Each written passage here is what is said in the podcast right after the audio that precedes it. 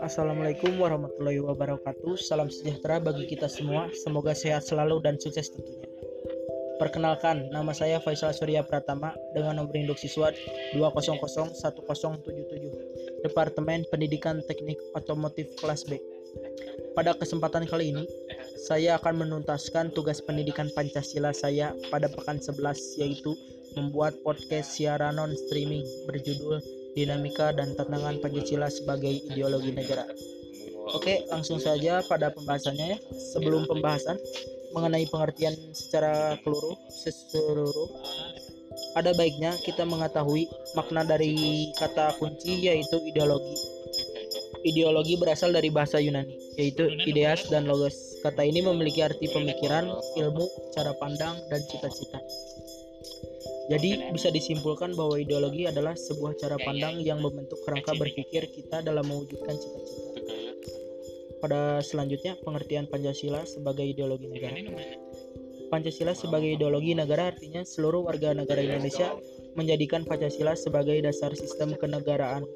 Nilai-nilai yang ada pada setiap butir Pancasila harus dijadikan sebagai pedoman dasar melangsungkan kehidupan bernegara. Selain itu, Pancasila sebagai ideologi negara juga bermakna menjadikan Pancasila sebagai cita-cita atau visi Hal ini tentunya berlaku untuk pemerintah dan seluruh warga negara. Pancasila sebagai ideologi negara artinya seluruh warga negara Indonesia menjadikan Pancasila sebagai dasar sistem kenegaraan. Nilai-nilai yang ada pada setiap butir Pancasila harus dijadikan sebagai pedoman dasar dalam melangsungkan kehidupan bernegara. Selain itu, Pancasila sebagai ideologi, ideologi negara juga bermakna menjadikan Pancasila sebagai cita-cita visi. Hal ini tentunya berlaku untuk pemerintah dan seluruh warga negara. Pada hakikatnya, Pancasila sebagai ideologi negara memiliki tiga dimensi ya. Yang pertama adalah dimensi realitas, yang artinya mengandung makna bahwa nilai-nilai dasar yang terkandung dalam dirinya bersumber dari nilai-nilai real yang hidup dalam masyarakat. Yang kedua, dimensi idealis, yaitu mengandung cita-cita yang ingin dicapai dalam berbagai bidang kehidupan bermasyarakat, berbangsa, dan bernegara. Yang ketiga, dimensi fleksibilitas mengandung relevansi atau kekuatan yang merangsang masyarakat untuk mengembangkan pemikiran-pemikiran baru tentang nilai-nilai dasar yang terkandung di dalam. Yang selanjutnya, tantangan Pancasila sebagai ideologi negara. Pancasila sebagai ideologi negara dalam masa pemerintahan Presiden Soekarno, ideologi Pancasila mengalami pasang surut karena dicampur dengan ideologi komunisme dalam konsep Nasakom. Pancasila. Sebagai ideologi dalam masa pemerintahan Presiden Soeharto, ideologi Pancasila menjadi asas tunggal bagi semua organisasi politik atau bisa disebut dengan Orpol dan organisasi masyarakat Ormas. Pada masa era reformasi, Pancasila sebagai ideologi negara mengalami pasang surut dengan ditandai beberapa hal seperti enggannya para penyelenggara negara mewawancarakan tentang Pancasila, bahkan berujungkan pada hilangnya Pancasila dari kurikulum nasional Meskipun pada akhirnya timbul kesadaran penyelenggaraan negara tentang pentingnya pendidikan Pancasila di perguruan tinggi. Di tengah perubahan zaman, persoalan yang perlu diwaspadai adalah ketika masyarakat, khususnya generasi muda, tidak lagi memandang Pancasila sebagai ideologi dan dasar negara.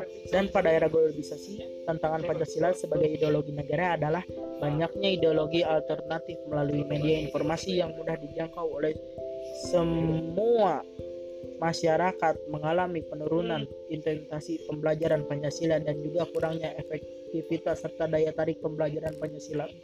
Kemudian tantangan selanjutnya adalah eksklusivisme sosial yang terkait derasnya arus globalisasi yang mengarah kepada menguatnya kecenderungan kecenderungan politisasi dan identitas gejala polarisasi adalah gejala polarisasi dan fragmentasi sosial yang berbasis sara, bonus demografi yang akan segera dinikmati bangsa Indonesia juga menjadi tantangan tersendiri untuk menanamkan nilai-nilai Pancasila kepada generasi muda di, di tengah arus globalisasi. Unsur-unsur yang mempengaruhi tantangan terhadap Pancasila sebagai ideologi negara meliputi faktor eksternal dan internal.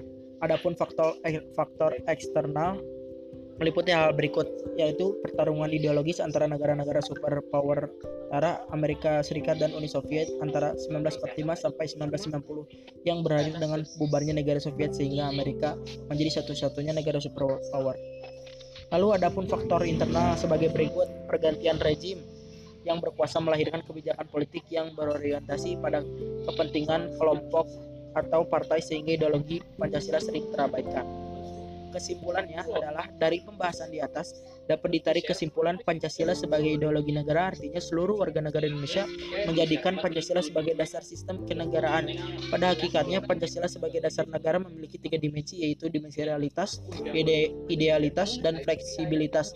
Dan tantangan Pancasila dari zaman ke zaman yang semakin berat generasi bangsa diharapkan mampu menjaga dan mempertahankan Pancasila sebagai ideologi negara dengan cara mengamalkan nilai-nilai Pancasila dalam kehidupan sehari-hari. Sekian podcast saya dari Faisal Surya Pratama. Mohon maaf jika ada sepatah dua patah yang salah. Terima kasih. Salam sejahtera.